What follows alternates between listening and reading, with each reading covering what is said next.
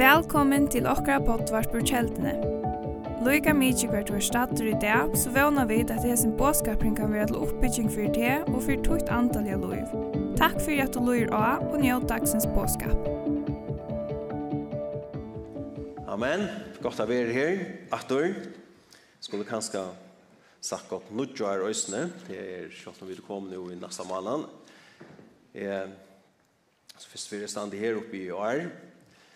Men, uh, amen, fantastisk. Jeg har hukket meg her i dag. Jeg har uh, noen ting som ikke var ikke døyla vidt om. Det Var ikke akkurat hvordan det kommer at vi skal komme ut her i dag, men jeg har noen skrifter, noen sannløyker fra årene som ikke døyla vidt det, og som bare takker det herfra. Det er det som er så fantastisk å kunne ta seg her i samfunnet. Man er høymann. Amen. Amen. Så ger ikke man sier dere for kjæreste. Paule, vi er jo samme båt her. Vi sier jo først noen ting som, som snedige ting. Jeg er ferdig i det at tåsa om hver vi er i Kristus. I beskriften, eh, i beskriften som vi har til det er at, hva skal jeg kalle det, nudj i Kristus.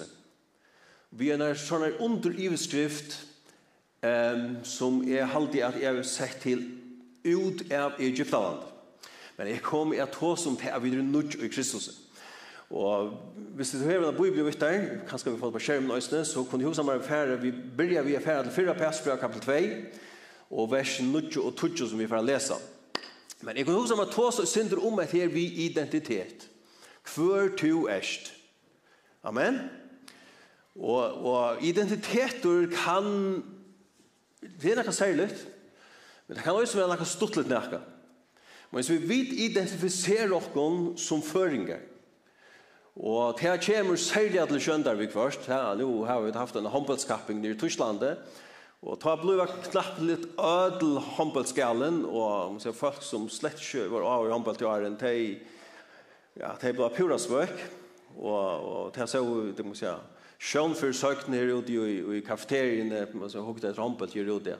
Her leip alt opp fra, da det sørste målet fra føringen kom. Og Og men vi vid identifiserer oss som føringar, og så kan det være noen sier, ja, jeg er en strandingur, eller en er med vår, og Nu har vi er bo kallar fyrir 6 år og kallar mig koffering, men er framme sen glivra med. Og og øyst nok så lite øysten. Det er att at det er det som som kallar mig en Olaura Lenganes. Här vi kommer fra. Og det är faktiskt øyst nok så stuttligt at kallar man ofta när folk vi tar av stegar nu. Pappen min, han blir kallar för klämmet av Lenganes. Hans kjøtt, för han, han, han kallar för Hans Abakka. Och det är fløyre rundan om här, granna lennom, som, som blir kallar vi tar av stegar nu. Det är en parser av identitet nu, för man är och för man är. Amen. Och så, så, ja, Det er vi utrått i atter. Så, så er det som som som halda vi NSOI og som som halda vi Wuchinge og som som halda vi KAU så er det som som er færre halda vi KAU. Ikke for jeg pojker av fingrene etter noen sett på. Og den ren? Men, men etter det her øyelig stått litt, tog ta en KAU i en spalt i utlandet, altså så blir vi knappt litt ødblå. Ja Alltså jag har ju omgång till vi kvar men alltså jag måste säga att jag är helt vi kvar och jag heppar i åtna att vet och Otni han är alltid han är alltid god i min nejon men det har vi så vi. Men men man man, man blir ju som blaver vet du och och man man sagt här röpt jag kvar alltså det är ju skett för men det hände Ja, det händer den. Jeg vet ikke om vi bør oss meg, men, men så er det her vi identiteter som kan være noe stått til øyne til det at vi er og vi først nøkker ting, um, vi identifiserer oss og i løten vi nøkker oss ting, og av oss som støv. Så altså, du kan være en sambandsmauer, eller en kjøvelsmauer, og du identifiserer det som en sambandsmann, eller en kjøvelsmann. Og så kan du identifisere det som til dømes en, en NSU-gjæra, eller som en bjottrusgjæra, eller en vutsing, vutsinga tilhalsmann. Men det er øyne alt etter hva for støv ut hver støv. Jeg minns vi at du først ikke slår fotballstist og råper, er sambandsmauer! Har du et jo her etter det? Hallo? Man sier, ta, ta, ta, ja, jeg var jo er erob, ja, men du, du vet, du råper alli i kjøder. Når han så til at hvis det, hvis det, hvis det løktingsvel, så først du ikke her, og, og gonger og røyner det, slik som man folk av enda vid til at halte på li som fåvelslivet som du heldig vi. Ta konsentrera du om politikk. Så det er å lyst alt etter hver to Hva for støv du er støy, hva for, hva for tøy ta er, kanskje hva for løyta det er, hva du identifiserer vi. Så vi kunne identifisere oss vi negv investering her i løy. Og, og det er som så ikke nære gale vi tøy. Vi er og vi ser føringar, og vi halda vi sin og vi, vi har akkurat politiske og askvaner og så videre. Men det er nekka som Bibelen tåsar om å være i Kristus. Kristus Amen. Det er en identitet som vi har finnet, som god har givet oss i Kristus, og som er trygg for en kristnan som øyre vera tjattnen og i okkar identitet.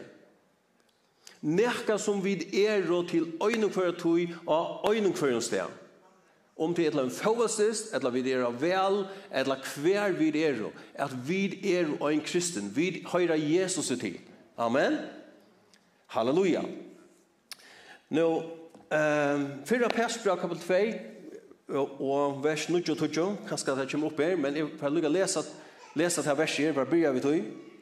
Her stendur, men tid er jo, men tid er jo, amen.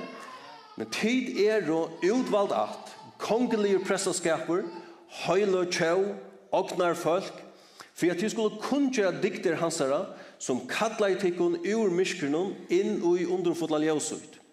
Tid som ikkje var folk avur, men nu er og folkgods. Tid som ikkje hadde funnet miskun, men nu heva eh, finnje miskun. Halleluja.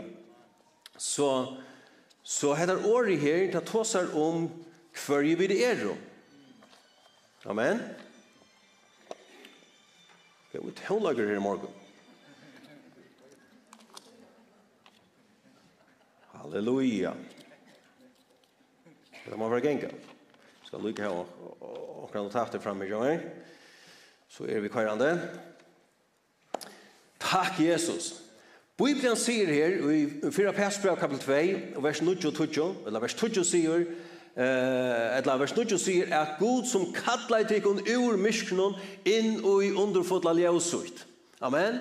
Så god han, Bibelen sier Kolossbrand kapitel 8 og øsne, er at god han røyv okkon ut ur myrskursens valdi, etla fra valdi myrskursens, og han flutti okkon inn og i rujtje elskar sonarsjons. Så er du en kristen, hever du tidsi med i Jesus som tog noen herre og frelsara, så hever god flutti inn og i sutt underfotla ljevus. Det er her som du erst. Det er her som du andalega erst placerar. Du erst i hans herre ljøse. Du fest ikke kommen i hans herre ljøse. Hette er ikke noe som hender bare til du en der kommer til himmels. Hette er noe som hever hent i din liv. Du er flottur. Du er flottur fra øyne rujtje til et annet rujtje. Folk kanska ikke suttja uh, til i tunne liv, eller folk kanskje suttje ikke til at det er suttje til som så, men det kan suttje til at til liv noen som til livor. At her er nekka ørvise vi her. Det er nekka som er hent i tunne liv. Men det suttje ikke andal, det suttje ikke inn i anda verene, men i anda verene er til nekka som er brakt i tunne liv. Du er flottur, du er settur inn i ljøse. God flottur til inn i sutt underfotla ljøs. Amen. Amen. Men, så sier han her, at, han sier, men tid er jo. Men tid er jo. Vers 9. Men tid er jo. Hetta tosar om okkar identitet. Hetta tosar om okkar samlaika hverju vi er jo. Amen. Men tid er jo. Utvaldat. Vi er jo ein utvaldat. Amen. Vi er jo ein kongelig prestaskapur. Vi er jo ein høylo. Vi er et oknar folk Guds. Amen. Hette det som vi er. Det er en parst av tog som tog erst. Vi er noe nekka særligt. Fyre gode. Ikke tog at vi er til av okken sjolvun, ikke tog at vi har gjort nekka særligt fyre at oppnå at det, men det har tog god gjør det åkken til det. Bibelen sier her, tid som ikke vore folk avur. God gjør det åkken til folk sutt. Amen. Er nøye søgne fink vi løyve til å gjøre hansara folk, blant en parser av hansara familie. Amen. Men for jeg husker om en søvn, vil det var nok sånn fokus her vi atløying og søsne. Det var jeg husker om en søvn som jeg les ikke lenge siden, det var om en unga jente som ble adopteret i Amerika. Og hon, hon hei vært adopteret til atløyt fyrr inn i en familie, og det rigga ikke, og hon hei haft trobleikar. Og så blei hon som 8 år gammal, så blei hon atur atløyd av en ære nødjar familie. Og hessen her medveren og i hess familien, han nødjar pappen kjønne, han teker han altså vi til Disney World. Og han slipper opplevet her som 8 år gammal. Og hon hei finnja vita til, hon, hon, hon, hon var avstyrlig um, på nekva måte. Men hon hei finnja vita til, varska, hvis du erst fitt, hvis du erst gau, så slipper du a gjere hettar og hettar, så slipper du her og her til. Men liksom pappen, han er så tidligere vi til Disney World, og hon slapp at oppleve det her, og til å være lukka som, ja, som man sier, til å dreimeren til henne, til å slippe her til, oppleve det her. Selv hun var åtta år gammel, så... Så var det her et ikke som hon heie. Og da han så tann dagen, takk følte folk sånger, så sier hon vi pappasøn, han nutja pappasøn, så sier hon Pappa, nu vet jeg at jeg slapp at oppleva Disney World ikke tog at jeg har vært så fikt, men tog at du er pappa min. Tog at Jeg er tog. Tog slapp jeg at oppleve det. Så det var ikke tog vi var så fitt at vi slapp å være en parst av Guds rydgen. Det er det gode i våren akkurat pape. Amen. Det er av nøye hans er at vi slapp å oppleve Guds rydgen og kom inn i Guds rydgen. Amen. Halleluja. Men vi er jo her. til Vi er jo her. Vi er jo utvalgt. God hever utvalgt okken, han hever frelst okken, han hever endur født okken, amen. Han hever gjørst okken til sutt folk, han hever kjept okken vi sunne blåe. og han hever okna, okna ser okken, han hever gjørst okken til sunne, vi er og hans herre. Og jeg tykker det er så større en tydning for okken at vi få hatt her nyr i okker innra menneska, hektir til som i er hver enn så er er i her og hjørne, hver enn jeg befinner meg, ser man vi hver jo følger til hver, hver fire, uh, hver jo tiltøk i enn kommer til, så er jeg her i her. Jeg er et ombo for, for Guds rydde her som jeg er. Jeg er, jeg er utvalder til suje setter av gode til uh, at ombo han her i Hesenheim. Amen. Um, og, men Men legg til mestis. Legg til mestis at Orgus sier her, han sier her, men tid er jo hans tingene. Tid er utvalda. Kongelig prestskap og høyletjø og folk, Så sier han, fire er til skulle kunngjera dikter hans herre. Fire er til skulle kunngjera dikter hans herre.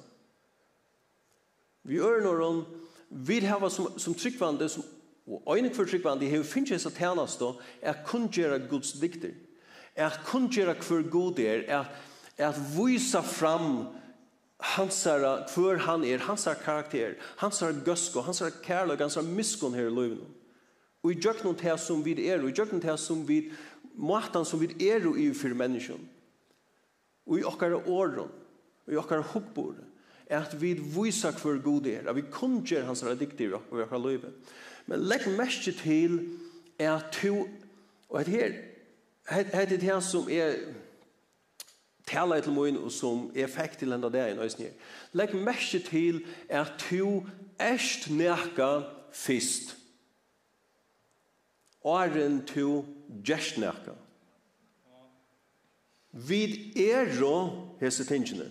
Vid ero utvaldat. Vid ero kongelig prestaskaper høylo tjau og knarfolk, Fyre er at vi skulle kunngjere. Fyre Og så tøtningar mykjel som henda tænastan og er tjokken som vi da finnes som tryggvande, så er det også tøtningar mykjel tjokken at vi sutja til at vi er jo hetta fyrst. Fyre er vi skulle gjøre. Vi er jo fyre er gjøre. Amen. Efsos brev kapitel 5 og vers 8 sier òsne at her Efsos brev 5, 8 sier Tid vore jo myskur fyrr Tid vore jo myskur fyr, men nu er det tid ljøs og i herran. Så vi våru myskur, vi er ikke myskur langer, vi våru myskur, men nu er det tid ljøs og i herran. Det er det samme som fyra Pesbrav sier. Han sier, God som han tog tikkun ur mysknun, og han flottet tikkun inn og i underfotla ljøsut. Fyra vi skulle kunngjøre dikter han sier, Legg mest til han sier her. Han sier til til vår jo mysker fyr, men nu er til ljøs i herran, og så sier han, livet som bøden ljøsens. Men det som tu erst, kjemur fyrst. Tu erst nekka fyrir gjerra nekka, tu erst nekka som gjer til at tu lever til ut. Amen. Amen Tu erst leos i herran, og er tu du erst leos i herran, så lever tu ut fra tu, tu, tu lever som baden leosens, og tu lyser, tu skuiner Jesus her i Jesu heime. Men han nytt er ikke lysa han, han nytt er ikke skuiner han, om du ikke erst leos i hon. Tu måst få hans her leos fyrst. Tu måst være et leos fyrst for jeg lysa. Amen? Men det er det som god i gjørst okken til i Kristus. Vi er leos i herran. Og tog liva vid han. Vi, vi ørner hon, vi tjena ut fra tog som vi er. Amen. Vi tjena vid liva ut fra tog som vi er. Det som vi gjera øyre at avspekla hver vi er hon. Amen. Takk, Jesus. Halleluja, halleluja, halleluja. Takk, Jesus. Så vi tjener gode ut fra for vi er og i Kristus og i gode. Og tog er det øyne, og tog ikke øyne til åkken her i samkommende, er at vi øyne virus møter folk for hver til er og ikke bare for hver til gjerne. Amen. Halleluja. Så er det god virus meter ikke til bare ut fra tog som tog gjerst fire i han. God virus meter til fire hver tog erst. Han elskar jo okken fyrst. Og er vi gjør det nekka som helst fire i han, så elskar han okkom. Og vi tar et ometelig høyt virus for han. Og det er ikke det mest ikke det vi skal lykke glede vi tog som vi gjør. Vi skulle gjøre det vel som vi gjør, og gjenge høyt på det som vi gjør. Men vi skal bare anse etter at vi øyne virus med at folk fyrer det som de gjør. Amen. Halleluja. Men Gud vil at vi skulle vite hese tingene. Han vil at vi skulle vite her at vi er utvalgt, at vi er frelst. Han vil at vi skulle vite at vi tilhører honom. Han vil at vi skulle vite at vi er nødvendig skapninger Kristus. Han vil at vi skulle vite at vi er rønsa av Jesu dyra blåe. Amen. Fyra i hans, fyra, eller fyrsta i hans brev kapitel 5, vers 13 sier, Hetta vi skriver til dere, for at vi skulle vite at vi hava evigt vi tid utrykva navn, Guds soner. Amen. Det er noen ting som Gud vil at du skal vite. Han vil at du skal vite at du tilhører honom, at du er hans åknar folk og at du kan genga ut i sannføring, liva ut i sannføring, tjena menneskjon ut fra tui sannføring.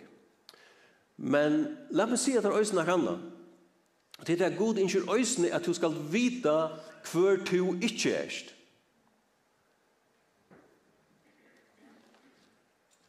Jeg får, jeg får lese her fra 4 Korintbrevet kapittel 6. 4 Korintbrev kapitel 6. Og, og her kunne være noen ting, noen ting som vi kom kanskje nærmere vi, som kunne kanskje være som torsfer, jeg har sett året, at jeg snakker om, og at kom inn av, men uh, sannløgjen gjør dere fru. Amen. Amen. Vi kvar så må vi si noen ting, gøysene. Amen. Men sannløgjen gjør dere fri. God ikke at du skal vite hver du erst, men han vil øyne at du skal vite hver du ikke erst. Så er du i Egyptaland, for Israels folk, Israel, God tog Israel ut av Egyptalandet. Men som onkur sier, at det var, det var, det var lattare å få Israels folk ut av Egyptalandet enn å få Egyptalandet ut av Israels folk. Vi først kan det være ting som henger på i åkken ting som vi identifiserer oss vi enn, selv om det høyer til dere gamla løy, og, og det høyer kanskje til myskre. Og vi snakker om oss selv som om vi enn er ut her. Etla til en parser av oss. Men god ikke vi skulle sleppa noen ting om, fyrir at vi til fullnar skulle liva til livet som han har kallat til. Vi trykker vi at god ikke løy okkur inn og i nøkker ting. Trykker vi at god ikke løy okken inn i nekka nøyt øyst som vi akkurat samkom. Men fyrir jeg kom inn i nekka nøyt så må vi først sleppa nøkker ting og nøysene. Paulus, Paulus sier, i halde Filippran kapitel 3, han sier, jeg gløymer til som at han fyrir. Og så sier han, og stevne med dem alnum. Paulus var en ekla malbevustur vår. Han levde jo et ekla malratta liv. Men fyrir at du kan til fullnar stevna etter malen og til som god er hatten i kattlokken til, som Paulus sier, så måst du øysten gløyma til som atan fyrir. Så måst du sleppa noen ting vi først. Og til å være seg av negative opplevelsen, av kjelige ting som du opplever i livet, av ting som kanskje folk har gjort med det til, av synd kanskje som du selv har gjort, øyne. Og her du måst komme til krossen og si at God, er trygg vi at ta vers som Jesus gjør det for meg. Jeg vil sutja meg sjølvan i ljøsen av tog som Jesus gjør det for meg. At jeg er i fyrirgiven, at jeg er i rødsaver, og at jeg er løster. Og hatt det her som hefur plava mig i lenga tøy, i er i kjata møyre. Paulus sier her, han skriver, han skriver her til Korintsamkomna, han sier her i, i vers 9 og 20, han sier vita til dikkje, at hinn i årat, åratvis skulle ikkje arva rujtje gods, vidles ikkje. Kvørste siløysingar, avgoda duskarar, etla hårkattlar, kvørste teg som letta seg bruga til sind, møt nottørene, etla tei som gjør hesa sind, kvarsi tjauar, hevi sjuk, eller drittjumenn, kvarsi som bektalere, eller rånsmenn, skulle arva rydgjegods. Så sier han her i vers 11, «Sluig våro som vi av tikkun». Han sier ikke «sluig, sluig ero som vi av tikkun enn», men av naigods er de frelsta lugava. Atter her, han tåsar identitet, han sier «sluig våro som vi av tikkun». Og så sier han, Men, men, tid heva lærte tikkun. Men tid heva lærte tikkun tvåa. Tid er og våren halka. Tid er og våren rattvurskjørd. Vi navn i Herrens Jesus her, og vi andra Guds. Amen. Så er det kanskje verst til en drikke med over. Men om du erst i Kristus, så er det ikke langer en pastor av tøynen identiteten. Tu erst ikkje ein drikkje med over mor. Slug våru som vi av okkom. Nå, det kan være til at tu hever avbjøyngar, troblagar strujas vi at tu gjørsnum. Men tu erst her ikkje mor. Skil med til som jeg sier her i det.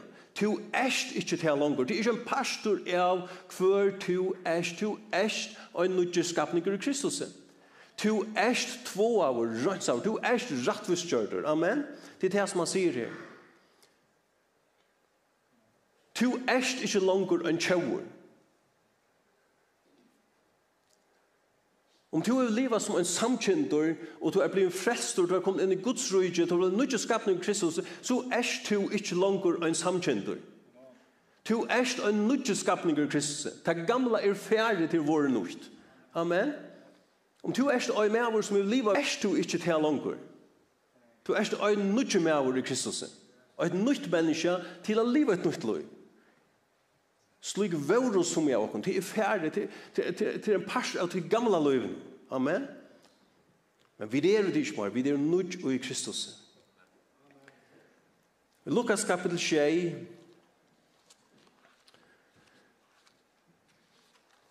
Lukas kapitel 6 her, ja, jeg vet ikke, jeg vet ikke hvordan jeg tar oss om etter skriftsteg her, men jeg tar oss om det ofte. Og mer da oss vel hese her frasøkken her om disse kvinnerne. Men Lukas kapitel 6 og vers 23 hvor blir enn den her søvandla frasøkken om disse her kvinnerne, og hon har faktisk ikke navn tar vi, tar vi suttja tar vi blir lese om henne. Og hon sier, ta sender her vers 6 og sender og her og i bynon vær syndafull kvinna. Her og bynon vær syndafull kvinna. Det var så løst til kjent han. Aller helst levde hun som en prostituere. Men det var så løst og de kjente hese kvinna. De kjente henne som en syndafull kvinna. Og hun kommer til Jesus. Og hun kommer til Jesus som en syndafull kvinna. Men da hun får sted etter, så får hun ikke som en syndafull kvinna sted, men som fyrgiven. Som en fyrgiven kvinna. Jesus brøtte hennar identitet. Vers 8 fjördes, her sier Jesus vi hana, synder tøyner er og ter fyrgivner. Og ta sørste vers kapitlet sier, vers 8, tror jeg, sier han, men han sier jo kvinna, trygg tøyn hever frelst det færre fri. Henne kvinnan fikk så liv ombrøyt av deg til hun møtte Jesus. Hon får se at hun blir en brøyt identitet, hver hon vi er. Hon vi er ikke langer enn den her sinda fotla kvinnan. Hon vi er en nudj kvinnan. Hon var en fyrtjuvig kvinna. Amen.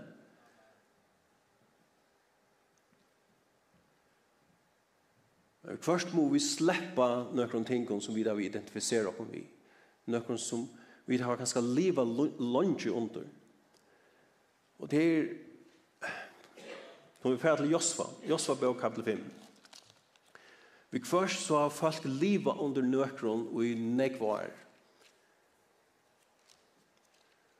Og jeg tid til jeg vil leve under nøkron i nekvar, og så er det blivet en pastor jeg tar identitet. For at jeg husker om seg selv, for, det, for, for, for man sier seg selv om verden.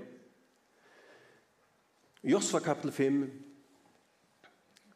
og vers 9, her sier Herren, men Herren sier vi Josva, og i det har vi velt av tikkun vann er og Egyptalands.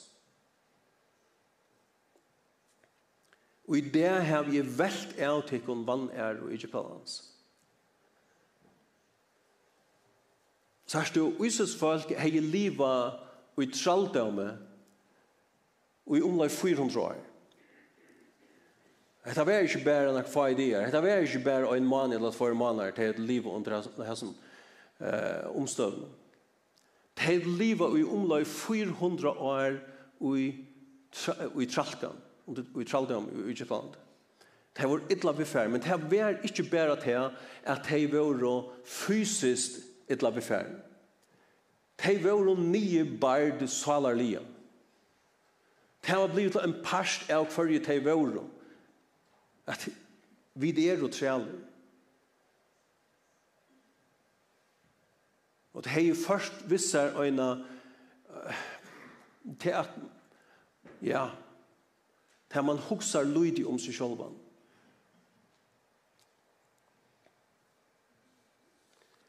Men Gud sier, jeg har vält avtyckning av annars.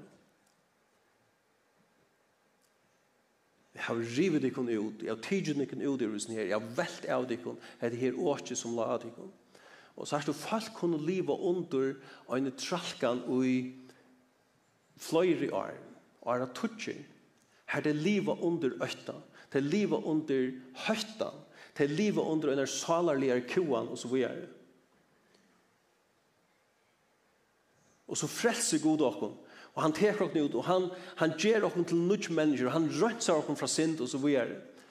Men folk kunne framvis hava det torsførført å sleppa tar identitet i hver det er, og i tar hoksanerhåttet.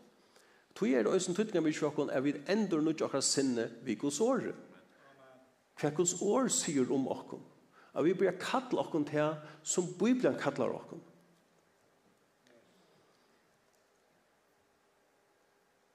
Og i okken sjolvun så kunne vi mengan vera boig. Men Bibelen sier at i Kristus er vi stersk. Amen. Paulus sier alt er mentor i hånden som gjør meg. Som gjør meg stersk. Han sier, vi er stersk og i kraft veldes hans. Amen.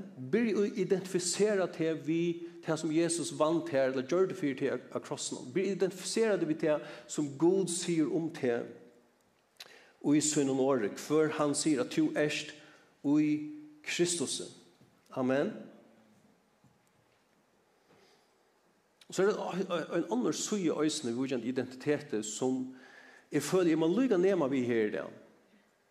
Og som kan være øyne syndet tors først er takka fram. Men det er nekka som jeg høyre folk møyr og møyr sia og hese tøyene, og særlig ung folk. Her i høyre folk identifisera seg vi øyn eller er sjuko, eller diagnosen som det har finnet.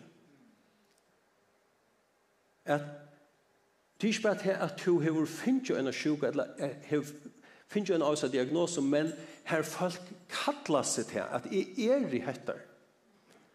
Og tåsa som om til at jeg er en ekvist stor pastor er og fyrir til jeg er.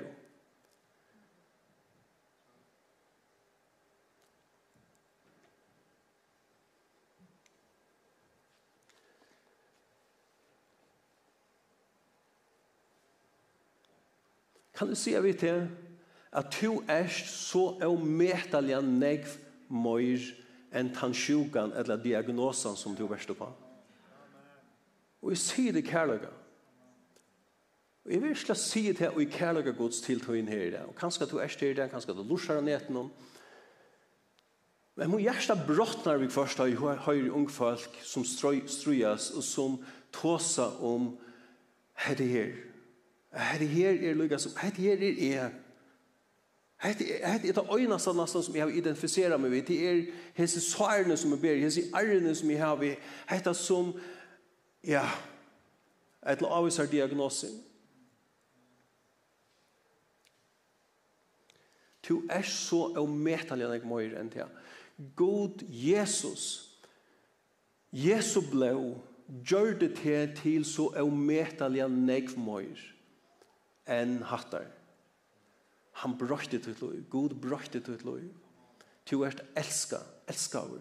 Du er nudj i Kristus. Du er et baden tja gode. Amen. Byrje å identifisere det vi det som God sier om til.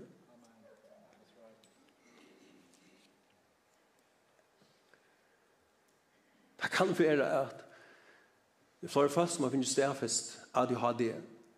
Men kan du si, jeg at du er ikke en ADHD-are, Jeg vet ikke at det er farlig å si sånne ting i det. Men kan, gode kan du si at jeg vet ikke i. Du er ikke en ADHD-er. Du kanskje har finnet stedfest her. Men du er ikke til. Skil du det som jeg sier. Du er ikke til. Det er ikke tjattnen og i tog som du er. Du kanskje hever til. Det kan være andre diagnoser, det kan være andre ting som du strys vi. Men du er ikke til. Det er ikke tjattnen ui tui som tu erst som eit, eit baden tja gode. Amen. Tu erst utvald, elska, født av nudjon, for nudjon skapning i Kristus. Byr jo sutt til sjåan på tammaktan. Byr jo sutt til sjåan på tammaktan. Byr jo tåsom til sjåan på tammaktan. Da du hikker i spekle, så sier varska at er en kongadøtter, en kongasoner. Jeg er røst opp for Kristus. Er livande gjør vi honom. Jeg finner nytt liv i Kristus. Jeg har en framtid vevn i Kristus.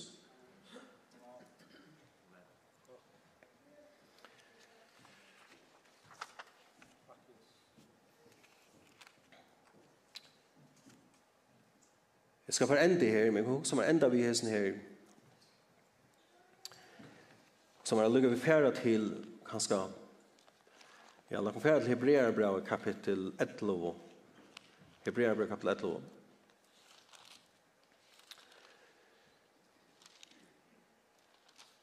Og vi skal få lese her eh, vers 24 og 25 og 26 og 26. Det tar seg Moses. Moses. Men eh, vår vi til GLS, er og Lilian og Paul Jastrid var også her. Det var nekver ser og gøyre fyrlesere. Og et av de tingene som jeg halte, et sitat, jeg var ikke sitert ordet men noe som Condoleezza Rice sier, uh, og fyrverande, ja, hun var 8 år i Israel, ja, tja, tja, USA, under Bush fyrir sidingene. Men alt som sier som er helt var avmetla godt, det han sier her er at tøyne forstøy um, omsett i det leslige, men tøyne forstøy er tøyne forstøy. Men lært ikke forstøyene halda til i fangsle.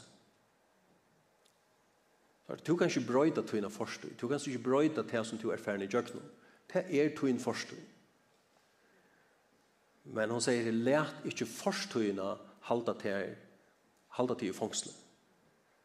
Amen. God du kallar oss ut i fralse. Og en som har kallat Jesus folk til fralse, ut i traldom, så er han kallar oss til livet, livet fralse i øsene. For lukka leses i versen her, Arne Per enda, fra Hebreabraun kapitel 11, vers 24, kjentur om Moses, at vi trygg nokta i Moses, da han var tilkomna kalla støttur sonur faro. Han valde fyrr a loje ilt vi følge gods enn han var stått av av synd. Han rokna i vann er og Kristusar av vera større rujtdømme enn skatter i Egyptalands, tui han hukte fram imot lønne. Vi trygg foran ur Egyptalande og rattes ikkje vrøye kongsins, det han helt av, som han hei se hin og skjønnelige.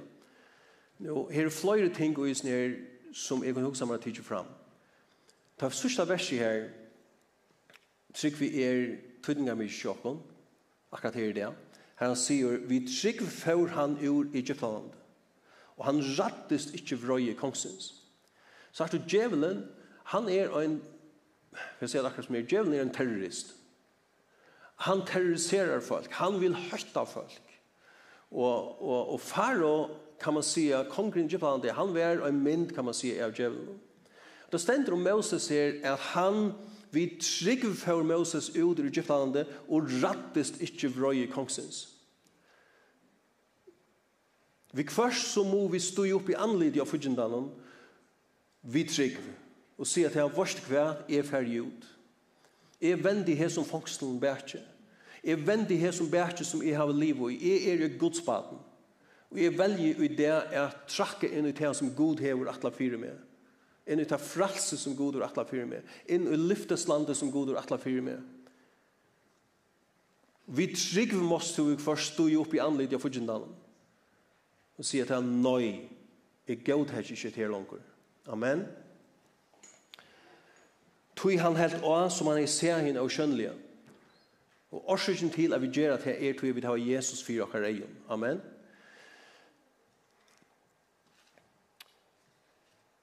Moses gjør det noen ting vi trygg. Han, vi trygg nok i Moses, da han var tilkommet av kallet støtter som var. Han, Moses fraseier seg noen ting. Han sier nøy til noen ting. Som vi sier, Johanne, vi først, fyrir jeg kommer inn og i nekka, så må vi slippe noen.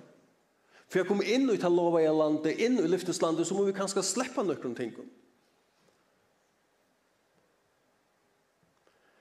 Han noktaje, han fraseier seg, han sier nøy til å identifisere seg vid sitt gamla liv, eller vid det som han var oppvaksen vid. Hoks om det han løte. Han var oppvaksen her som en pressor i husen av Faro, som døtterson av Faro. Han valde å si nøy til alt det.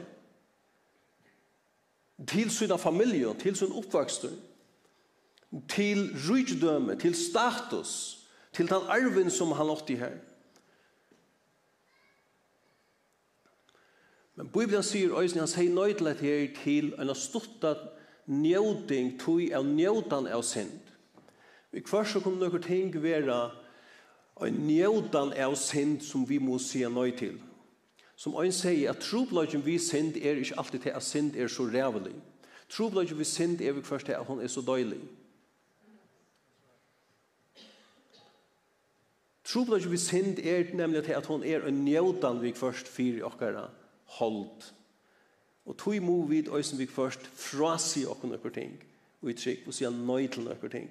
Fyre er kunne trakke inn i ta løyve som god og kalla fyre okkara.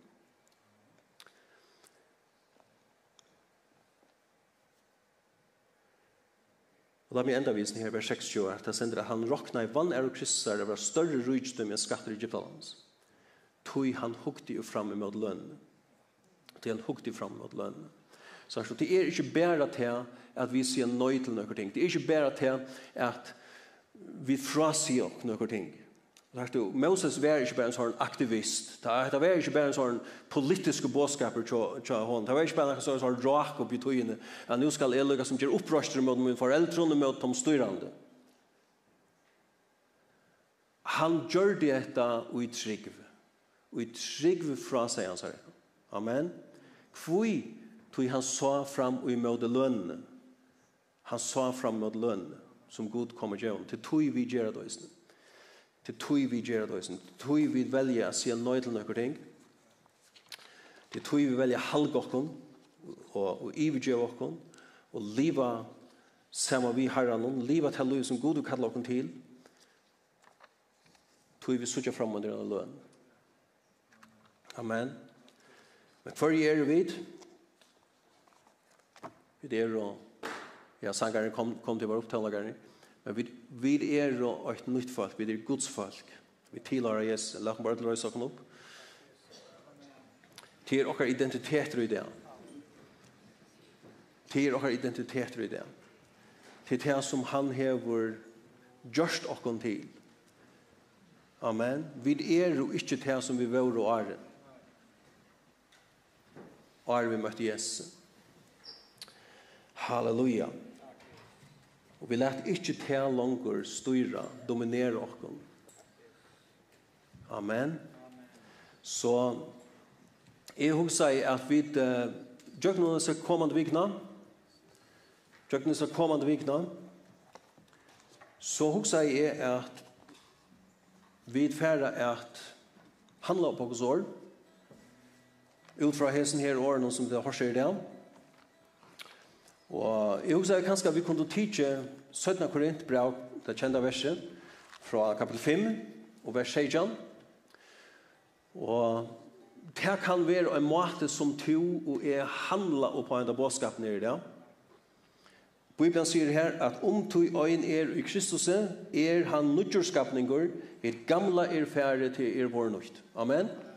Så let oss nu i så kommande vikna handla på etter året. Vi er teka hetta verset til okkur, 17. Korint 5, 16, og jotta te iver okkara loiv. Bekjent te, si te, hver tu erste Kristus. Bør jo si te vid sjåan. Om tu tilhör Jesus, om tu er en tryggvand, så kan du sia, er, er jo en tryggvand.